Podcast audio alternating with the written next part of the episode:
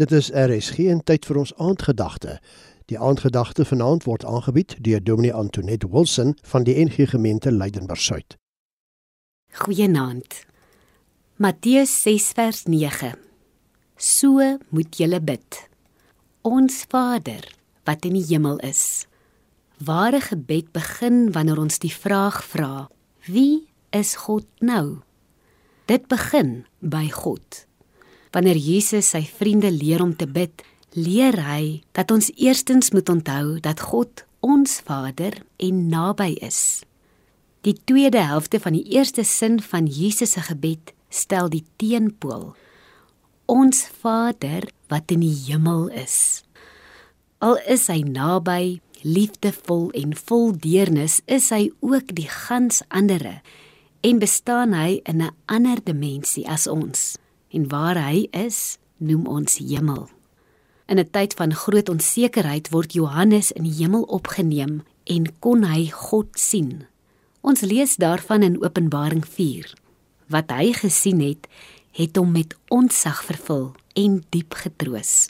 Hy het gesien God sit op 'n troon wat vir hom gesê het God heers ten spyte van dit wat hy in sy lewe ervaar het toe Johannes na God kyk, was dit of hy na edelgesteente kyk wat wit en rooi weerkaats, wat beteken dat God se grootsheid alles oortref en oor alle goddeloosheid gaan oordeel.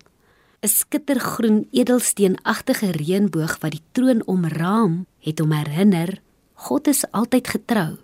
En voor die troon was dit of daar 'n gladde see van glas was. Dit het hom laat besef niks van Satan se bose onrustigheid sal God se kalmte ooit kan versteur nie. Wanneer ons dan in hierdie tyd bid, praat ons met ons Vader wat die finale sê het. Wat nie rooi gesig is oor siekte, dood, die ekonomie of skoolwerk of enigiets nie. Ook in hierdie tyd sit God op die troon.